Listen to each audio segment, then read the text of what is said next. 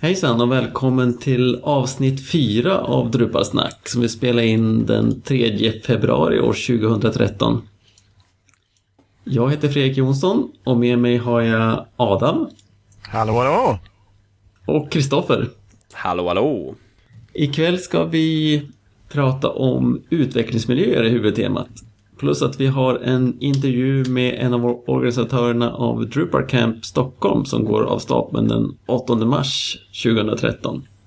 Innan vi börjar prata om utvecklingsmiljöer så ska jag tacka ni som har skickat in bidrag för vår intromusik. Vi frågade efter det i förra avsnittet. Vi har fått in ett par tre bidrag. Skicka gärna in fler. Inför nästa avsnitt då ska vi välja. Då får ni när ni lyssnar på avsnitt fyra då får ni höra vilken musik som vann, för den kommer att ligga först. Ja, det är ju eh, Melodifestivaltider här nu så det passar utmärkt att nu har vi vårt eget urval. Ska man ha lyssnaromröstningar också då kanske? Ja, så kan vi ju försöka undvika allt det där tekniska strulet.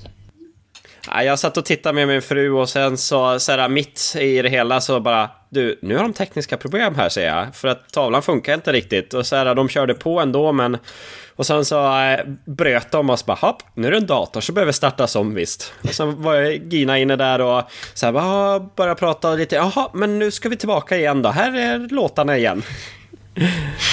så mm. att, ja. Gör om, gör rätt.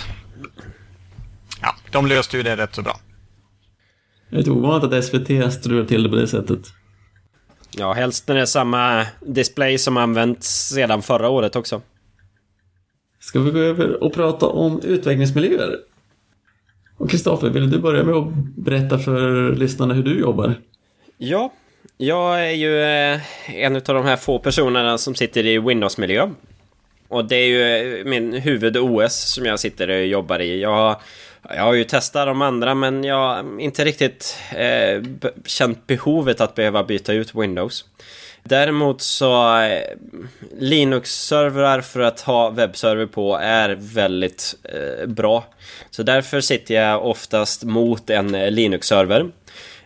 Så här, det här ser ju lite olika för man har ju lite olika projekt. Dels så sitter man ju via jobbet och sen sitter man privat. Men eh, då har man lite olika Linux-servrar som man ansluter till. Oftast är de vanlig LAMP, alltså en Linux med Apache, MySQL och POP. Och oftast brukar det vara Ubuntu på dem. Jag har några Gento-maskiner sedan en, eh, gammal tid tillbaka, men de, de går och går och går så att eh, jag har inte behövt byta ut dem. När jag sitter i Windows så blir det mycket att man kör, eh, man kör ju webbläsaren för att komma åt hemsidan, men sedan så kör man också Putty för att eh, komma åt konsolen på maskinen.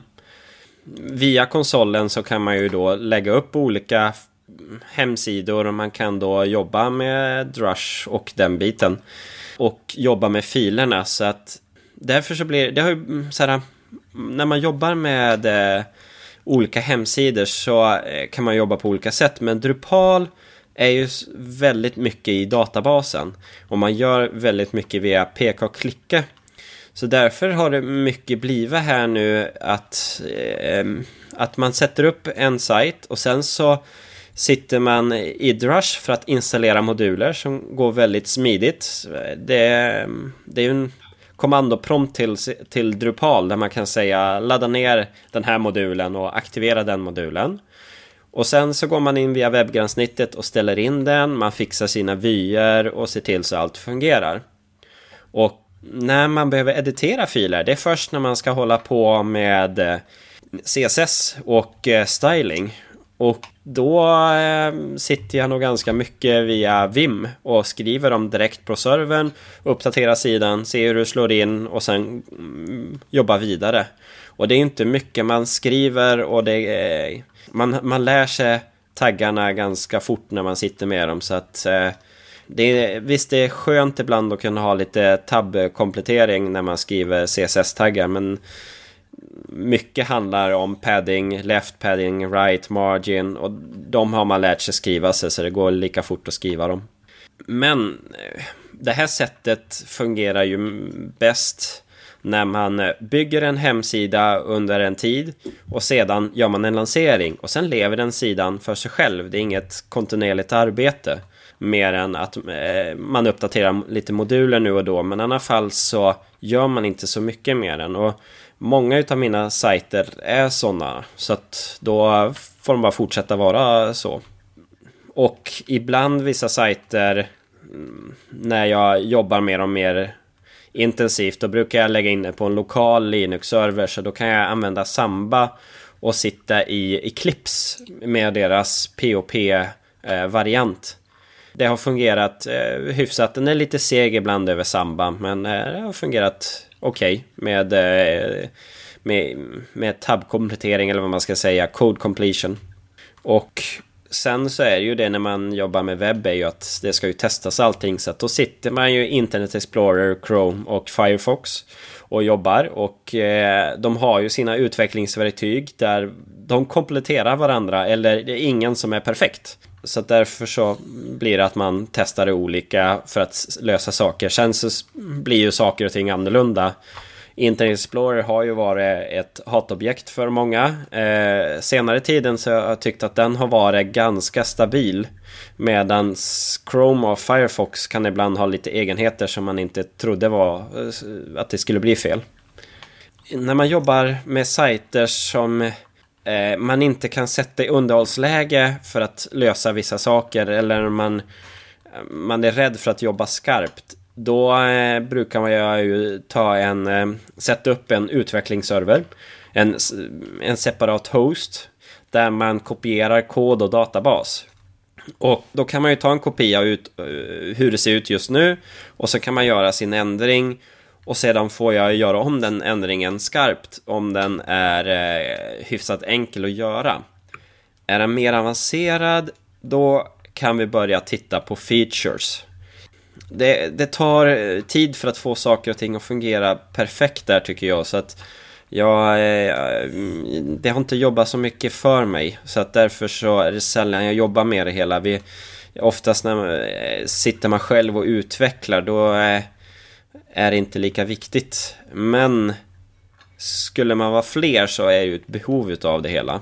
Och Ja, det är väl typ min utvecklingsmiljö. Kan säga det att innan jag gör uppdateringar så brukar man ta en kopia utav databasen och sedan eh, har man en Git repository för just den Drupal-katalogen. Och tar en, gör en commit så att man kan backa tillbaka om det skiter sig. Och man kan också få se lite historik vad som har hänt. Så att min eh, utvecklingsmiljö kan jag väl inte säga att den är Eh, den tekniskt perfekta, men det är mer en get the work done variant. Det, det fungerar utan större eller stora problem. Och sen är det väl också som så eh, på mig med så är, har det varit oftast jag som har varit den som har kodat och tyckt om terminal. De andra är ju mer grafiker och jobbar mer bara via webbgränssnittet. Eller så använder de FTP för några få CSS-filer.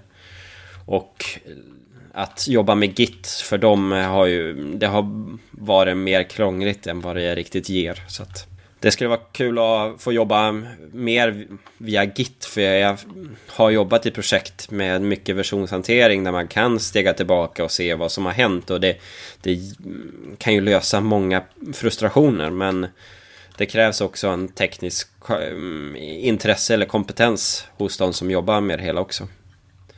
Så jobbar jag. Adam, ska du berätta hur du jobbar som? Mm. Lokalt, eh, eller privat kanske man ska säga, så sitter jag med eh, MAMP, en sån här distribution med Apache, POP My Admin och lite andra, ja POP då naturligtvis. Eh, och jag tycker det fungerar jättebra. Det, det, det räcker när jag sitter med mina privata sajter. Eh, jag jobbar väldigt mycket lokalt för att testa, utveckla och sen så laddar jag upp det på Webhotel då. Eh, antingen så är det ju enkla moduler som det är bara att tanka upp och aktivera och göra samma inställningar som man har ställt in lokalt. Eh, är det större grejer så, som ofta inbegriper views eller i mitt fall då även rules så går ju de att exportera. Så att eh, jag sitter mycket med exportering av views och, och rules som sen då är lätt att importera live på webbplatsen. Och mycket av de grejerna, där behöver jag ju inte ens ta ner webbplatsen och sätta den i underhållsläge utan de, de få ändringarna där som, som görs varje gång, de kan jag göra löpande så att säga. Eh, om man ser på miljön på Kodamera där jag jobbar så har vi ju utvecklingsservrar, Linux-installationer som min kollega Christian eh, basar över och eh, har satt upp under åren. Jobbar mycket i terminalen där eh, för att kunna ja, använda Drush, ladda ner moduler, aktivera. Eh, men även då i desto större, eh, till skillnad från dig då, Kristoffer, eh, jobbar ju vi väldigt mycket i Git i och med att vi är många som sitter och jobbar på, på samma projekt och vi behöver en, en versionshantering för att kunna se vad som har hänt, vem som har gjort vad eh, och hur det såg ut innan och liknande. Eh, så det är ju ett stort, stort arbete med Git och där kan jag väl grunderna så att säga. Jag är absolut ingen expert men det, jag, jag lirar med det och tycker om det väldigt mycket. Eh, använder Bitbucket eh, för mina egna privata projekt eh, som jag hittade i, höstas. Tycker den är riktigt bra. Eh, till skillnad, jag märkte väl att på GitHub så om jag inte har missat någonting så är reposen öppna medan jag vill ju hålla mina projekt privata så att ingen annan kan komma åt dem. Och då hittar jag Bitbucket och den har, den har verkligen levererat. På GitHub så behöver man betala en liten slant för att kunna ha privata repon. Ja, se där. Se där. Ja, då, det, det, såg jag inte ens någonstans. Så att, eh, men eh, Bitbucket kan jag rekommendera för den som vill ha privata repos och eh, den är otroligt smidig. Ja, vad ska man säga mer? Jag sitter i en vanlig texteditor. På Macen använder jag Sublime Text. Och eh, sitter jag på Windows, på min Windows-dator här hemma, så använder jag Ultra Edit, ett program som har hängt med under många, många år. Jag sitter mest i Mac-miljö, så där finns ju terminalen från grunden och eh, där är det ju både Git och Drush och eh, hoppa runt mellan alla kataloger som, som finns. Men eh, vill jag ha ett grafiskt användargränssnitt för min Git-hantering så använder jag SmartGit. Mitt arbete i SmartGit kombinerat med, eh, med terminalen gör att jag, jag känner mig bekväm att jobba i Git. Vissa, vissa gånger så har man laddat hem otroligt massa moduler och då går, tycker jag att det går snabbare att och committa var modul för sig i SmartGit istället för att sitta och knappa och, och skriva in det i terminalen. Men eh, det är ju väldigt olika för hur man använder eh, Git-hantering och hur, eh, vad ska man säga, hur nitisk man är i sitt Git-repos. En del trycker ner 20 nya moduluppdateringar i en enda och sen committar man det som en enda commit och skriver uppgraderat moduler. Eh, jag tar hellre och tar var modul för sig. För det ska vara ordning och reda. Det, ja, det är väl ungefär min, min utvecklingsmiljö så att säga. Jag har använt mig av VirtualBox också eh, på, på Macen för att kunna, kunna jobba effektivt i eh, Explorer framförallt och även Windows-miljön. Ja, där har vi, har vi min miljö. Ja, då var det jag kvar. Jag kör eh, två olika typer av miljöer. Dels för lite mindre projekt som jag kör själv. Då kör jag en lokal webbserver med Apache POP MySQL som vanligt. Istället för att köra MAMP som du gör Adam så har jag valt att installera det själv via ett program som heter Macport. Macport och så finns det Homebrew i två vanliga sätt att installera Unix-paket på Macen. Eh, jag utvecklar allting lokalt på min egen dator och sen använder jag versionshantering för att trycka ut det här till eh, testservrar eller produktionsservrar. Features-modulen används väldans flitigt för att lägga ner innehållstyper, inställningar, views, allting som läggs ner i kod och versionshanteras och sen trycks ut på servrarna. Databaser använder jag Drush för att flytta och likadant med filesmapparna. Databaser är ofta att man från produktion vill ladda hem den senaste versionen hem till sin eh, lokala miljö. Då kör man lite ett smidigt Drush SQL Sync-kommando som suger hem senaste databasen från produktion och lägger in den lokalt. Drush har också ett R-sync-kommando som gör att man kan eh, eh, synka mappar och då är det kanske framförallt Files-mappen som man vill synka upp så att man får de senaste filerna. Så att man inte får massa blå frågetecken i sin utvecklingsmiljö.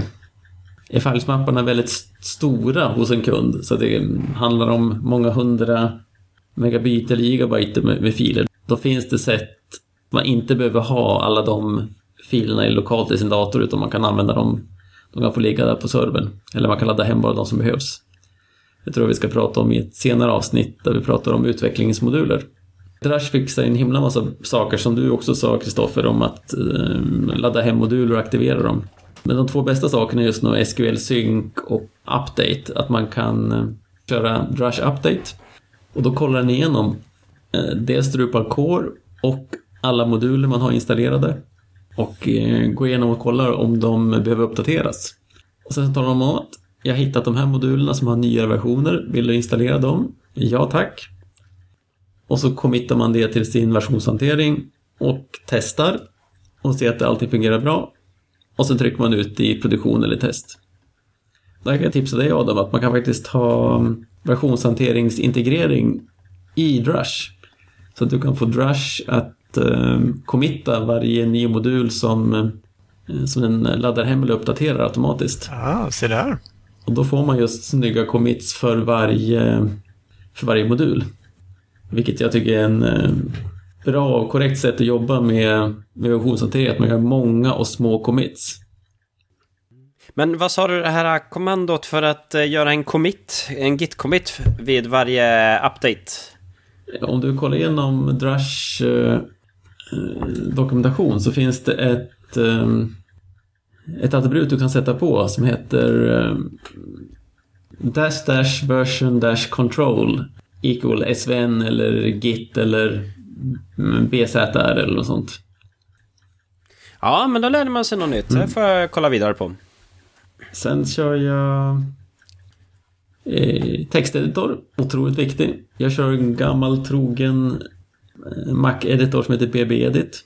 Fånigt bra måste jag säga. Bästa diff-funktionen jag har sett någonstans någonsin.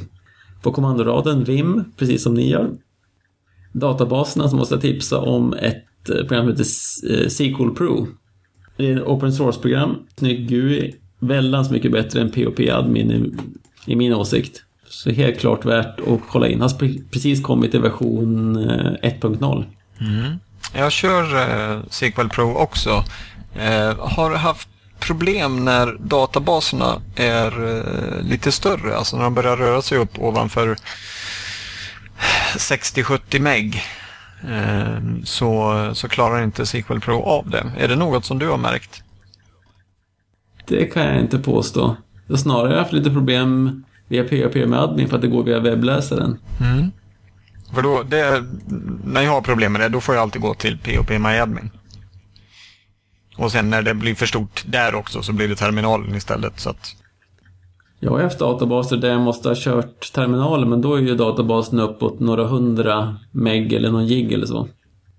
Och där är ju eh, kommandoraden och Drush har ju väldigt trevliga kommandon för att mm, köra SQL.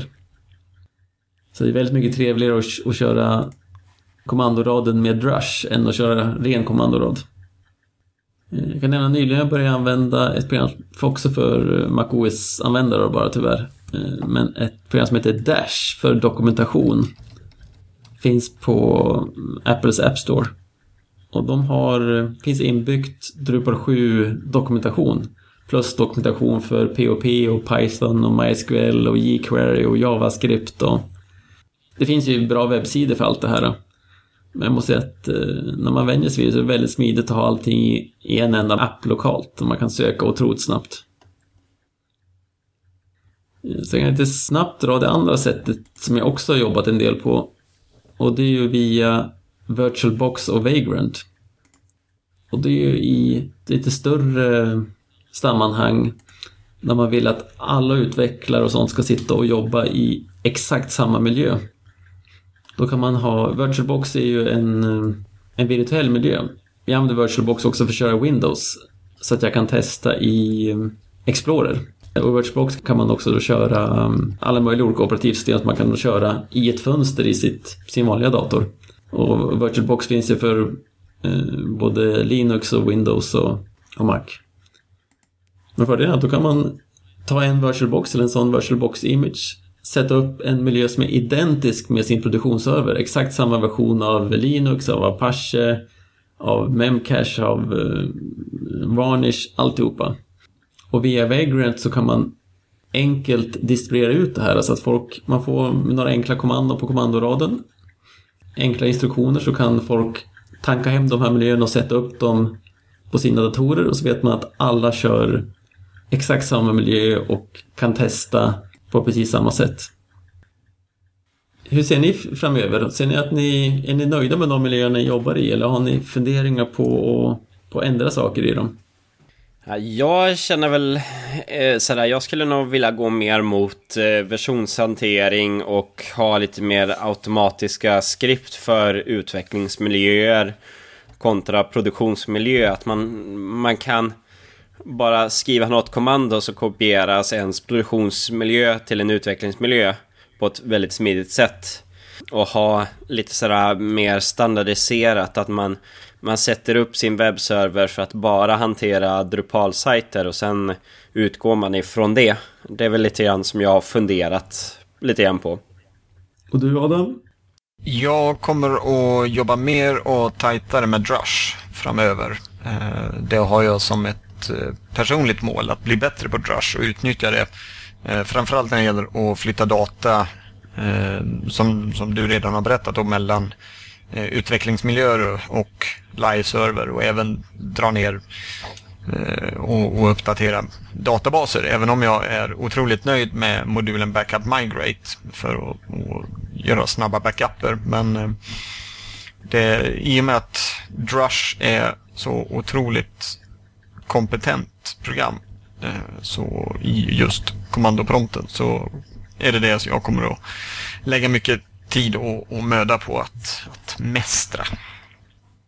Tips jag har där för om man vill verkligen utnyttja Drush det är att kolla in någonting som kallas för Site Aliases. Mm. Använder du det? Eh, lite grann. Jag kunde använt det mycket, mycket mer, men eh, absolut. För kör man det konsekvent så att man sätter upp site aliases, för då underlättas det väldigt mycket när man ska göra de här SQL-synk och sånt där. Tittar man i Drush inställningar så finns det en massa trevliga inställningar man kan göra. Till exempel när man kör SQL Sync så kan man tala om att ett antal, eh, det tror jag vi pratade om för Backup Migrate hade det, att man kan ta ett antal tabeller så man, man vill ha över strukturen för tabeller, man vill inte ha över innehållet. Framförallt är det caché-tabeller som man inte vill Det kan man också konfigurera i, i Drush inställningsfiler.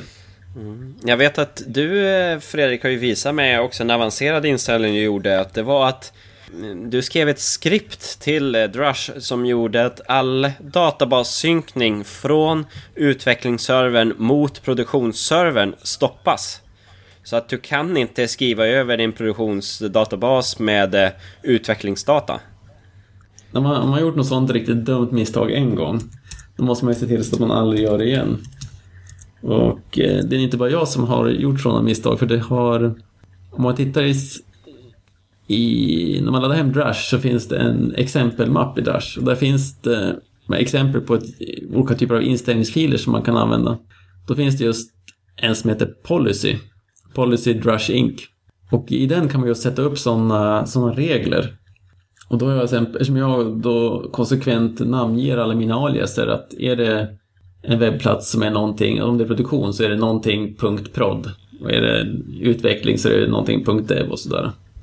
Så jag har lagt in ett, en regel där som säger att om jag försöker att synka databaser till någonting som heter .prod, då får jag upp varningar. I större projekt kan man lägga in de här direkt i bland webbplatsens filer. Så att när folk laddar hem Git-reprot så följer de här uh, site aliases och olika policies och sånt följer med. Så att man kan styra upp hur alla utvecklare jobbar och vad de kan göra och inte kan göra.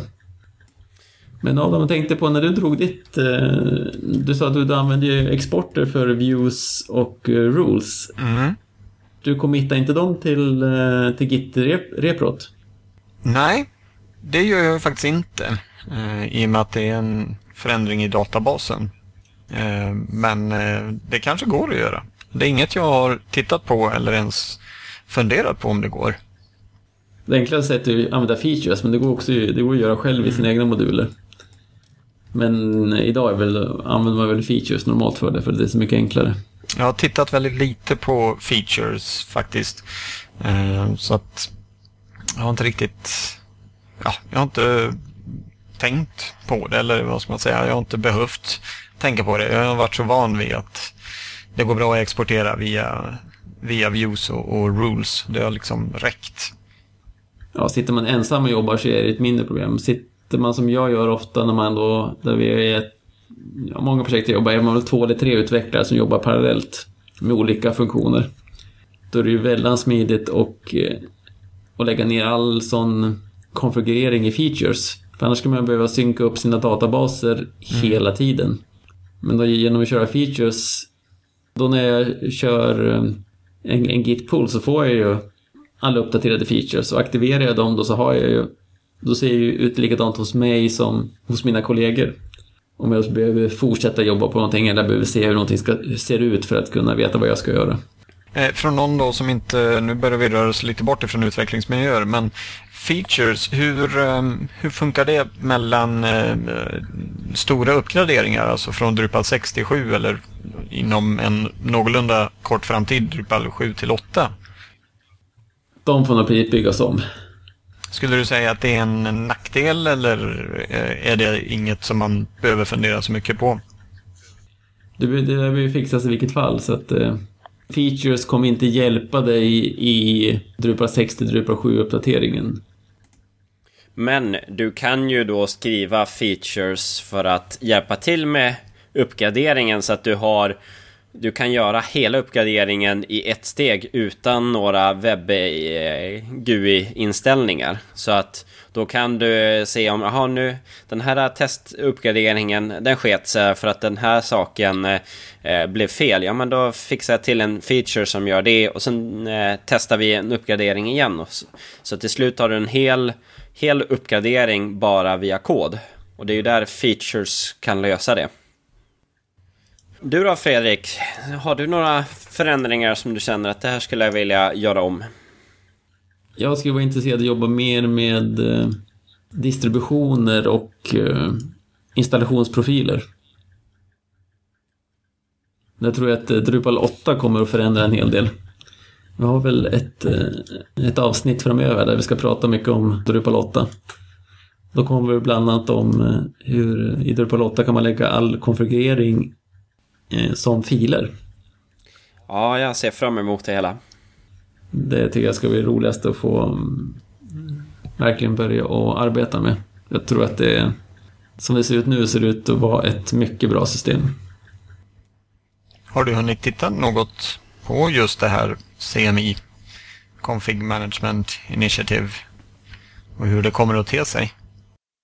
Ja, jag installerade åttan och sen så tog jag och tittade på filerna och sen så skapade jag en content type, la till lite fält och såg, ja men det skapades filer och sen så ändrade jag om lite fält och sen så tittade jag på filerna och sen var det ingenting som hade ändrats. Jag tycker det var jätteskumt. Sen eh, nu eh, någon månad senare då eh, så läste jag att den funktionaliteten är precis nu på väg att komma in att fält också sparas in. För man har lagt grunden för allt annat. Men fältdelen hade inte riktigt kommit in än. Så att det, det håller nog på att jobbas ganska hårt med att få allt att fungera. Det jag har läst som har varit en stor problematik det är just det här med eh, när man har olika språk och få det att funka tillsammans med eh, fält-API-et. Det är mycket intressanta saker i Drupal 8 men man märker att eh, det finns en del kvar att jobba på. Får vi se om vi lyckas släppa någon version i år. Ja, jag hoppas det. Det känns ju ändå som att det finns ett moment att vilja få det klart. Absolut. Så att, så att ja, nej men vi får prata mer om det i den senare podcasten där vi pratar om Drupal 8. Då tror jag att vi har klarat av utvecklingsmiljöer för denna gång och kan klippa in den intervju som du Adam gjorde med Mattias Axelsson som är en av organisatörerna av Drupal Camp Stockholm.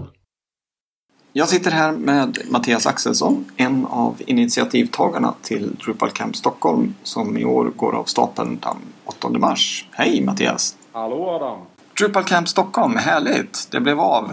Eh, 8 mars som sagt. Var kommer det att hållas den här gången? För jag har förstått att ni är inte på samma ställe som tidigare år.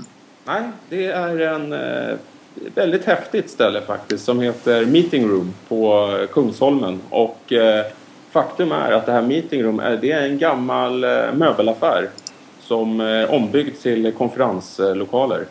Se där!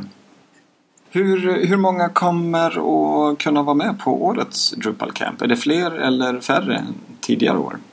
Det är eh, fler. Det är ju, eh, vi har räknat med att det skulle kunna få plats ända upp till eh, 300 personer. Där, Mm. där får vi se om det blir så många verkligen. Men eh, det kommer bli något trångt då liksom på, på keynoten. Men eh, jag tror nog att vi skulle eh, kunna få in i alla fall över 200 deltagare. Får vi väl hoppas på. Har ni fått eh, många biljettbeställningar hittills? Ja, det är väl ungefär eh, cirkus 100 hittills. Men eh, det brukar ju dra på lite här framåt när det är några veckor kvar. Det är då det säljer som mest. Ja, precis. Det är nu vi går in på sluttampen här. En månad kvar tills det går av stapeln ungefär. Som initiativtagare och roddare, hur, hur går det? Har ni stött på några problem eller är det lugna gatan?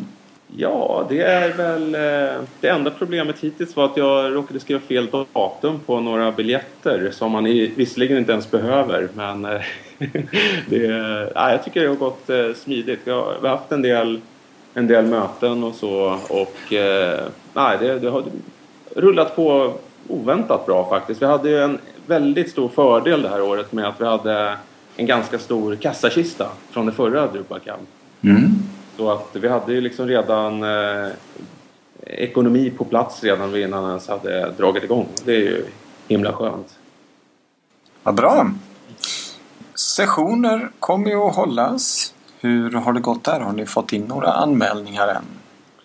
Jo då, det finns en, eh, en, eh, det finns en massvis med anmälningar och spännande sessioner.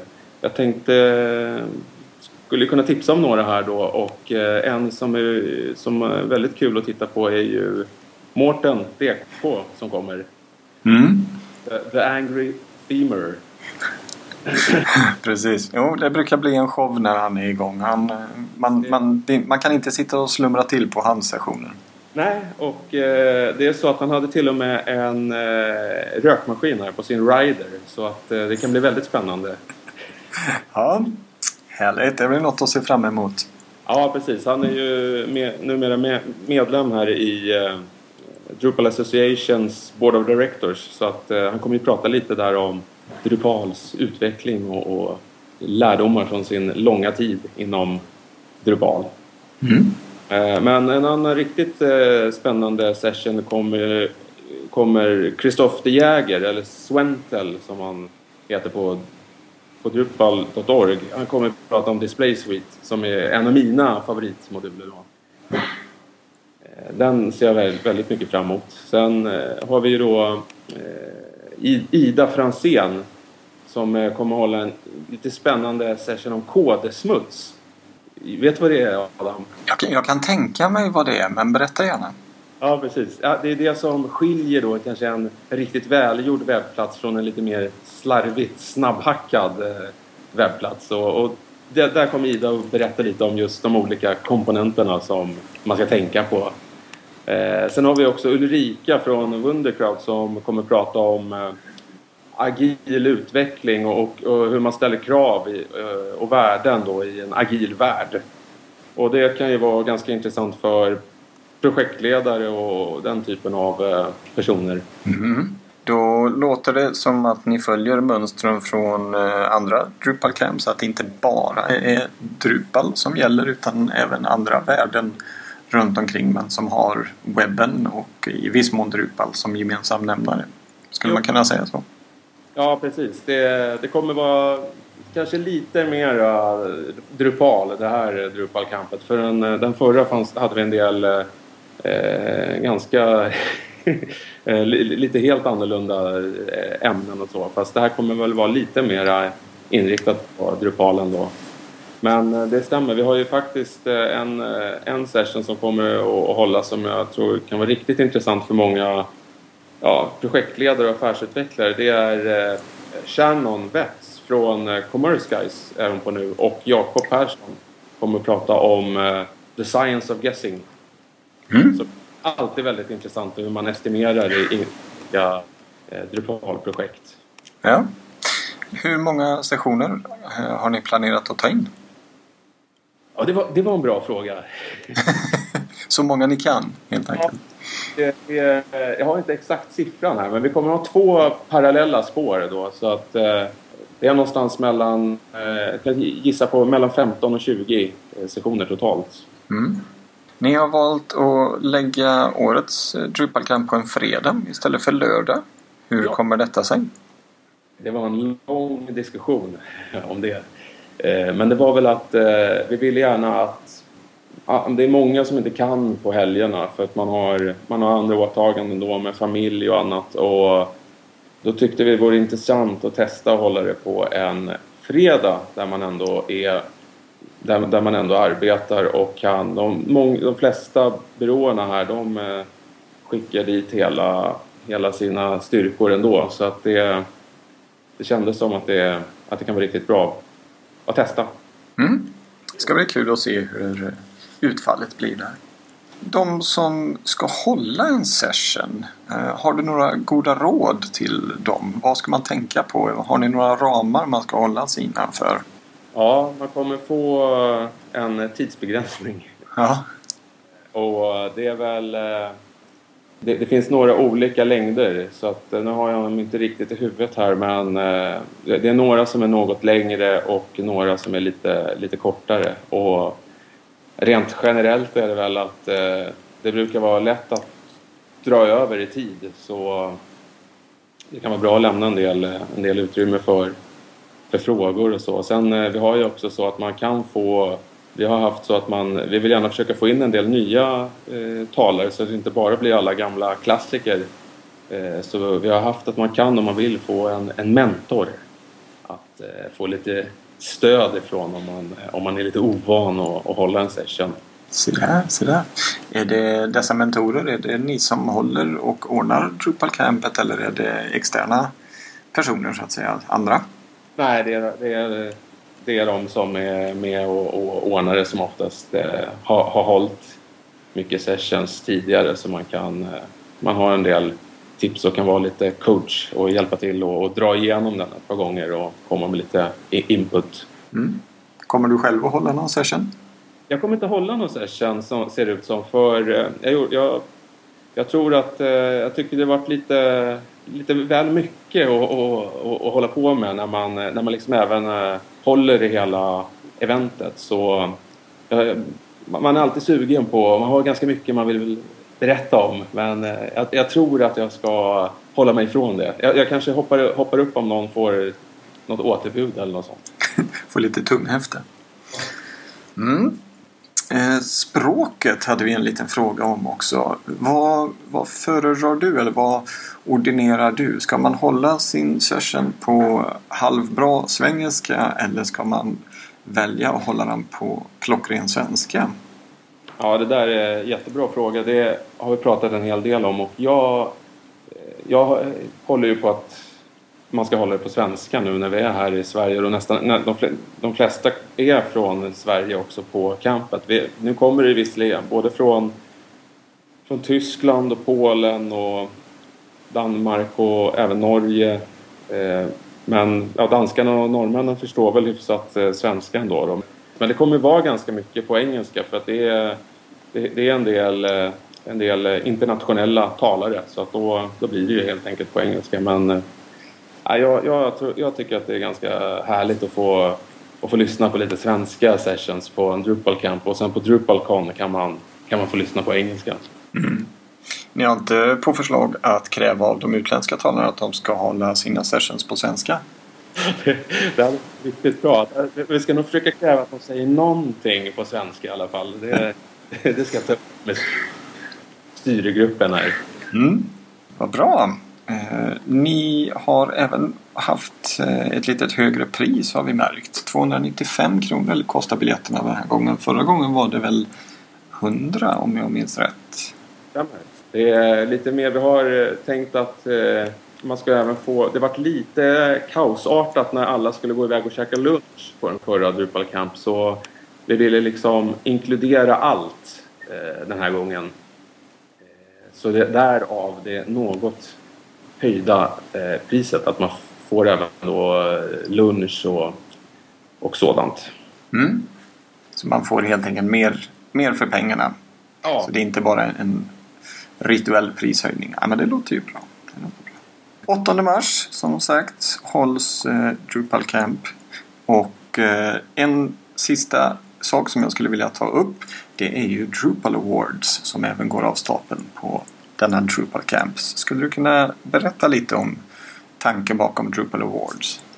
Ja, det var vid den förra Drupal Camp som vi satt och pratade om att det är märkligt att det inte har funnits några awards. Och det har tydligen liksom funnits mycket diskussioner inom Drupal om hur det här ska gå till men det har liksom inte kommit till skott någonsin. Så vi tänkte vi kör en liten eh, Swedish Drupal Awards där vi, där vi liksom lyfter fram några fina exempel på, på projekt inom Drupal.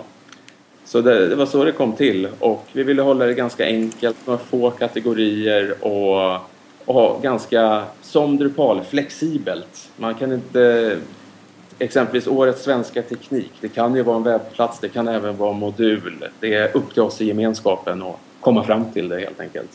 Mm. Och eh, vem tar fram eh, dessa som kan vara med och tävla? Är det ni eller är det gemene man? Nej, det är eh, öppet för alla att nominera eh, bidrag på drupalcamp.se. Och eh, nomineringen är öppen fram till den 20 februari. Så det är bara att skicka in bidrag och de fyra kategorierna är ju då Årets webbplats, Årets teknik, Årets design och Årets Drupalist. Så eh, fyra kategorier och sen kommer det då att eh, bli en röstning på själva campet. Så alla som är på campet eh, utser vinnarna då inom, inom de här kategorierna. Mm. Så gå in och nominera. Det får ju alla ta och göra. Och så får vi, vi som inte kommer att vara där, får ju följa det på webben och se vad som, vad som händer. Ett tips har jag också här som eh, jag kan, kan gå ut med det är att eh, det finns en studentrabatt också på, på campet. 50% studentrabatt om man är student.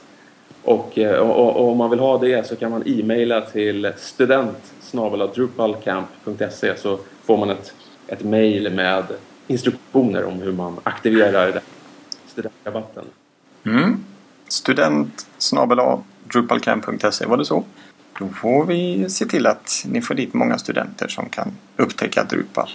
Med det skulle jag vilja tacka dig Mattias för den här lilla pratstunden. Jag önskar er all lycka med eh, årets Drupal Camp i Stockholm och eh, hoppas att allt går bra. Stort tack Adam för att tacka för mig. Efter denna intressanta intervju är nu dags för avsnittets modultips. I detta avsnitt har vi faktiskt två stycken. Både Adam och Kristoffer har varsin. Ska du börja Adam? Ja, det kan jag göra. Eh, det kommer ju en otrolig mängd nya moduler varenda vecka. Det är ju åtskilliga dussin tjog som dyker upp och eh, jag hittade en som visserligen är väldigt liten. Eh, jag tror den har 46 aktiva webbplatser än så länge. Men den gör säkert någons liv lite enklare. Det är en modul som heter Block Up Down. Och det är väl ungefär det den gör. Den lägger till kontextuella länkar eh, på block som man har placerat ut i, i ens webbplatsregioner. Eh, och istället för att behöva gå in på eh, blocksidan och flytta blocket där så kan man direkt via den här lilla kugghjulet som dyker upp så kan man välja att flytta upp eller flytta ner sina block. Om man nu använder block. Det känns ju som att det blir mer och mer minipaneler som används på ett eller annat sätt eller att man via panels lägger till noder. Men eh, för de som har lite eh, enklare eller lite äldre sajter som använder mycket block så eh, gör den här modulen att man får dit en block up-down länk där man då helt enkelt väljer flytta upp blocket en nivå eller flytta ner det. Och den modulen som jag har tittat på den heter Metatags. Men den har projektnamnet eh, bara Metatag ihopskrivet. Den är en, mm, kan man säga, en heltäckande lösning för eh, hantera metataggar i eh, Drupal 7. För eh, det finns inget inbyggt i Drupal 7 att jobba med eh, metataggarna som är ju eh, själva Eh, headblocket i HTML utan eh, sättet att ändra dem har ju varit att gå in och ändra i theming-filerna i eh, html.template.pop. Men då har metatag-modulen lösning för det. Där, en, där man kan jobba med dem och det är ju allt ifrån de här gamla keywords som inte ger så mycket Eh, till att eh, beskrivning, description, lägga in sånt i längst upp i en sida och där är det de jobbar med, eh, med tokens så att man kan helt enkelt göra det att ja men mina blogginlägg då ska man ju ha bloggens eh, sammanfattning. Den ska ligga med som en beskrivning på det här inlägget. Men jag kanske ska lägga in lite extra text så att de alltid börjar med någonting eller sådana saker. Och sen är det ju det att Google Plus har ju att om man, om man har skrivit ett blogginlägg och du vill säga att du är författaren, då kan du lägga till en, en länk att i header-delen helt enkelt säga att den här blogginlägget det är skrivet av den här Google Plus-användaren. Och lägger man till den länken och sen söker man på ditt Google-inlägg då kommer du få upp eh, din profilbild bredvid ditt blogginlägg. Och det är ju sånt som eh, Google tycker om att man gör och därför så hamnar man högre i sökresultaten. Det finns även det här med Facebook. Om någon säger att titta på den här hemsidan så går ju Facebook dit och den tar ju ut rubrik och lite text och en bild för att visa eh, innehållet på Facebooks flöde. Om man då använder lite headtaggar för Facebook så kan man själv bestämma vilken titel och vilken bild som ska användas och vilken text. Och med hjälp av lite tokens så kan man ju då ställa in att ja, ja men det ska vara kanske, eh, man kanske har en blogg som inte använder bilder. Då kommer ju Facebook välja slumpvis bild på eh, hemsidan. Då kan man istället göra en token som säger att använd bilden från författarens image. Men eh, det sista och det kanske viktigaste delen, det är att man kan ju sätta titeln på sidan. För i Drupal så används ju oftast nodens titel som page-titel, det som står längst upp i webbläsaren. Det kan man jobba lite mer med. Vi hade en eh, kund inom eh, båttillverkning som just ville få med lite båttermer på sina sidor för att om Google ser att man har med de båttermerna så kommer Google tycka att det här eh, måste ju vara viktigt för er och då kommer man högre på de båttermerna. Och det fungerar. Och eh, vi har klättrat eh, med hjälp av det. Det finns en annan modul som heter Page Titles som löser samma sak, men det, den funktionaliteten är flyttat in i metatags. Så metatags är den som man ska använda för det hela. Det är en väldigt eh, schysst modul för att jobba med metataggarna i eh, Drupal 7. Mm. Eh, page title-funktionaliteten kom väl rätt så nyligen in i metatags tror jag. Eh, någon, någon, gång under hösten. Så att eh, har du inte uppdaterat eh, din metatag-moduler så kan ju det vara en ett skäl så gott som något för att få page title-funktionaliteten där. Sådär, två nya modultips för våra lyssnare. Sist men inte minst i det här avsnittet så har vi lite Drupal-nyheter. Då har ju du som vanligt Kristoffer grävt eh, i på Drupal Planet och lite andra källor och hittat några roliga saker. Vad har du åt oss? Ja, jag har en hel hög. Som sagt så är det ju Drupal Camp den 8 mars. Men den 9 mars så ska det vara en, eh, en Drupal-sprint och det finns en event på groups.drupal.org för det hela. Så logga in och registrera dig och signa upp om du ska vara med på den eventen. Den är gratis och alla som kommer dit, nybörjare som eh, experter, kan eh, hjälpa till jag själv tänkte nog försöka vara med och eh, styra lite grann och se till så att ingen sitter i ett hörn och inte förstår någonting alls. Vad gör man på en Drupal-sprint? Man bidrar till eh, Drupal. De flesta tänker ju att man sitter och kodar och det är, många gör ju det, men det handlar om att lära sig eh, använda issue-kön, att eh, testa eh, olika buggar, att titta på dokumentation, ta, göra screenshots och eh, sitta och koda.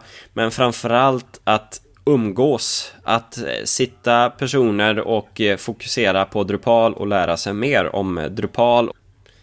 Det som är lite kul här, det är så det kom ju en förfrågan om vi inte skulle ha det här i Sverige och samtidigt så dök det upp att det kommer hållas sådana här äh, sprintar på minst sju, åtta andra ställen i världen den helgen. Så att det är nog väl det att eh, Drupal 8 börjar vi komma in till Code Free så att det händer mycket då och då vill man ha tid för det hela. Så att är du intresserad av åttan så finns det ju också möjlighet att sätta sig in och börja titta på lite saker och samtidigt bidra och kanske få ditt namn med i eh, Drupal Core, att du har bidragit med det hela. Nästa sak, det hör ihop tillsammans med det där och då tänkte jag göra lite eh, lite sponsorförfrågning här åt Thomas Svensson. Han har ju jobbat eh, mycket med eh, grafiskt eh, interface och användarvänlighet. Jobbat i USA och lite grann i eh, Sverige, men bor numera i Göteborg och eh, han är just nu arbetslös och skulle vilja komma upp till eh, Stockholm och vara med på Drupal Camp och, och så eh, sova över lite grann. Så han söker efter någon som skulle tänka sig att kunna sponsra tåg eller bil eller något eh, färdsätt och komma upp med någon övernattning han skulle till och med kunna bo på din soffa. Så bor du i Stockholm och eh, har plats över så ta kontakt med eh, Thomas Svensson. T. Svensson Eh, finns på eh, groups.drupal.org har han sin post. Så att jag vill göra lite, lite reklam för honom och säga att eh, han behöver lite hjälp. Och eh, jag tror att han skulle kunna hjälpa till på Drupal Sprinten ganska bra. Och tillsammans nu här också, det här med Drupal Sprint, så rökte upp en bloggpost. En liten enkel eh, how-to som handlar om eh, hur jobbar man i Drupal.orgs issue-kö. En liten enkel genomgång hur det är uppbyggt och vad saker och ting fungerar som. Det Ligger under juliangregorbaven.me. Det, det kommer jag nog ta med mig till sprinten och förklara för folk. Jag underhåller ju en rad moduler på drupal.org. Tror jag nämnt det här i ett tidigare avsnitt också, men vill man verkligen hjälpa till med att ta hand om en modul, så någonting som vi som är maintainers av moduler verkligen uppskattar, det är när folk kommer in och hjälper till i issue-kön.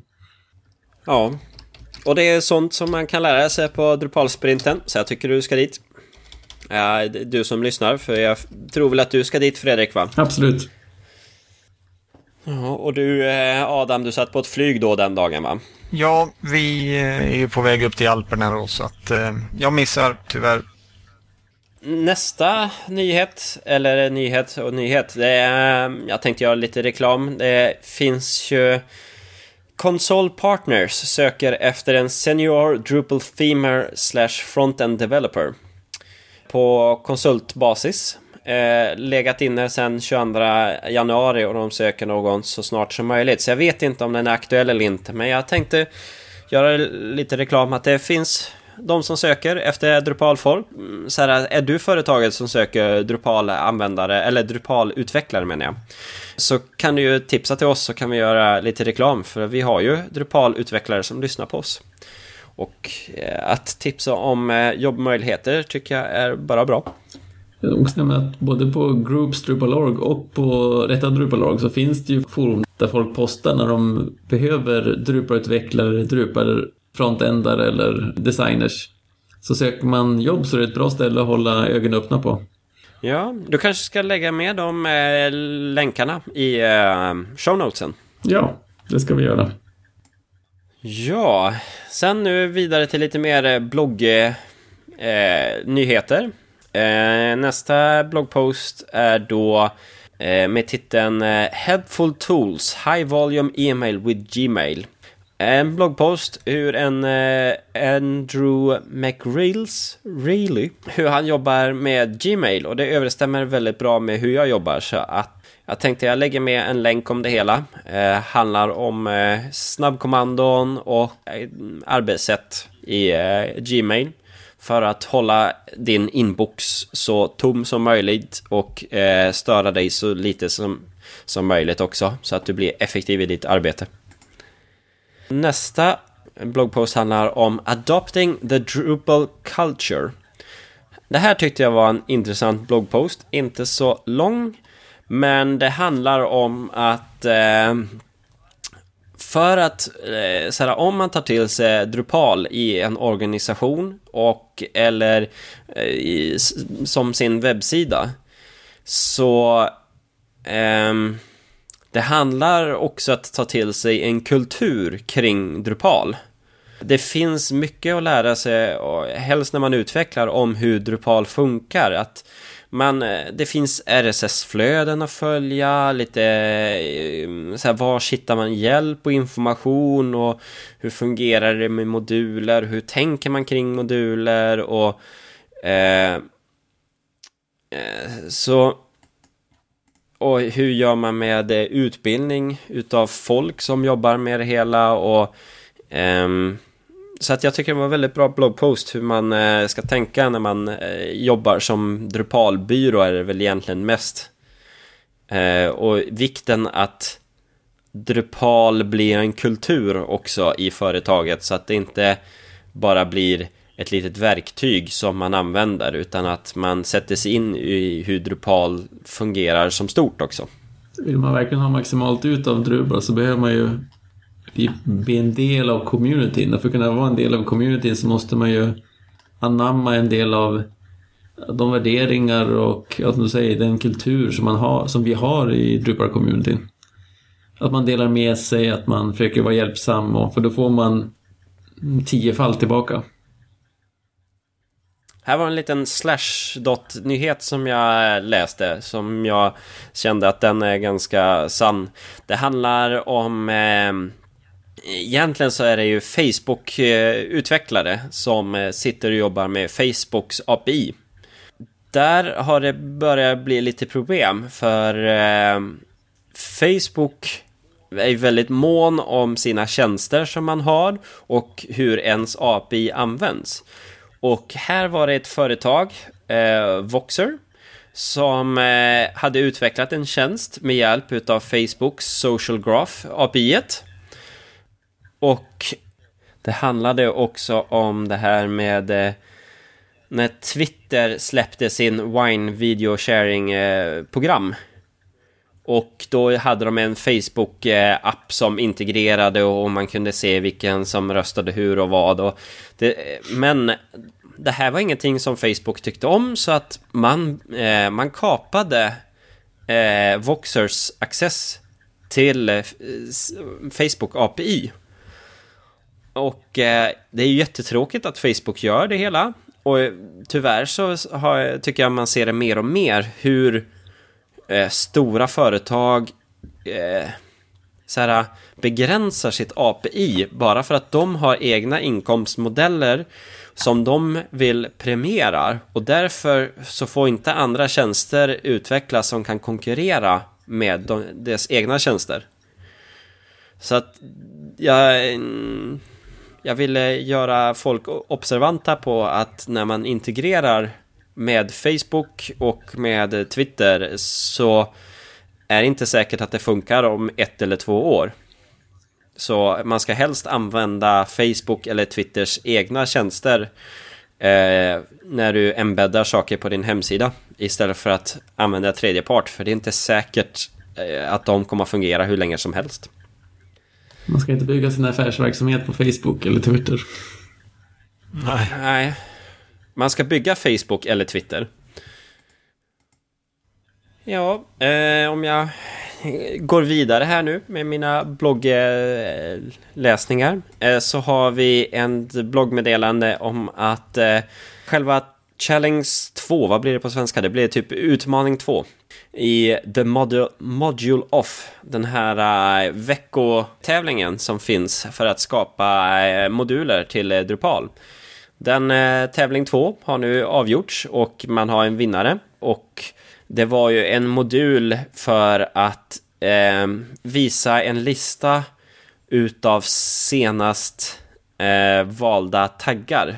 Så eh, till exempel om man skriver eh, flera inlägg om eh, typ man skriver om, eh, om Finland och man eh, taggar sina blogginlägg med länder. Då kommer ens tidigare taggar man använt finnas i en lista. Så att det var ju en ganska smart modul som jag inte har sett tidigare.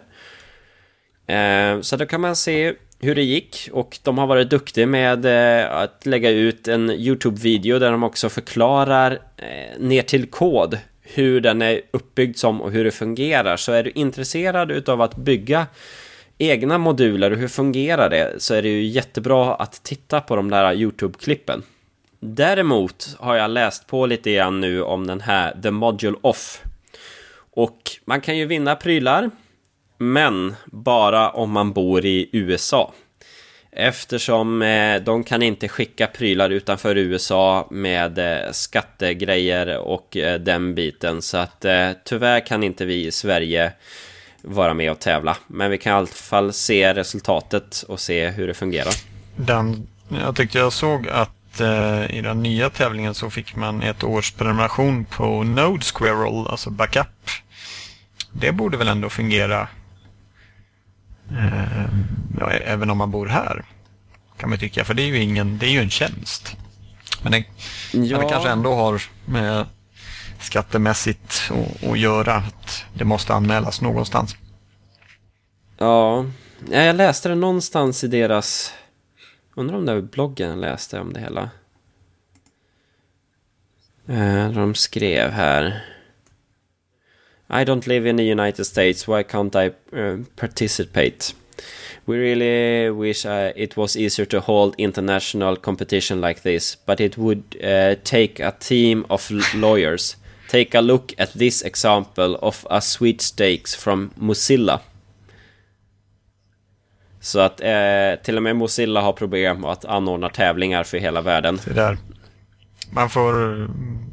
Man kan ju vara med men man kanske inte får räkna med att man vinner. Man får ta kunskapen som, som vinst istället. Ja. Eller så får vi göra någonting här i Sverige kanske. skulle man kunna göra. Det är ju en ny tävling på gång också, så att jag tycker ändå resultatet från The Module Off har varit väldigt hög kvalitet på, så att det kan ni gärna följa. Näst sista blogg-entryt här nu. Nu börjar det bli långt, men eh, näst sista här nu, det är från Wondercraft. Det är Micke Schörl... Vet han? Schörling? Kyrén, tror jag. Har skrivit lite grann om eh, varför är panels så sega och skriver ihop ett litet blogginlägg om det hela. Och... Eh, Egentligen så är det väl länkarna ifrån det här bloggpostet som var mer intressant så att jag kanske ska lägga med båda två. Eh, Panels har ju fått ganska mycket kritik om varför är de så segt. Det han länkade om det var en modul som kan visa hur lång tid varje panel tar. Och det finns också lite tester som visar att om du bara använder panels och stänger ut av blocks och inte använder blocks överhuvudtaget då blir panels lite snabbare än blocks faktiskt. Men det kräver ju också ett helt annat arbetssätt. Så att, ja, det är lite intressant att följa. Så jag tänkte jag lägger med det här som en liten notis så ni som är intresserade kan fördjupa er mer i det hela. Generellt för panels kan jag ju säga att det, man bör absolut undvika alla typer av block. när man kör panels. Och är det saker som ligger i block som man vill ha in så ska man göra om dem till, eh, i egen kod göra om dem till paints. Som man kan stoppa in i panels. Så det var det jag hade sett i Drupal-flödet de här två veckorna. Ganska mycket, men eh, jag hoppas ni tycker det är intressant. Ja, det var en ordentlig lunta med nyheter. Tackar så mycket för det, Kristoffer. Sen har vi inte riktigt hunnit bestämma vad vi ska köra nästa avsnitt, så det får bli lite en överraskning. Vi får kanske tala om det på Twitter så att folk kan skicka in lite frågor till oss. Vi finns ju på Twitter, på Drupalsnack. Om man vill skicka e-post, info at drupalsnack.se. Och så har vi naturligtvis vår hemsida på drupalsnack.se. Ja, vi har ju fått två förslag där i alla fall. Misstag eh, vi lär av är ett framtida ämne.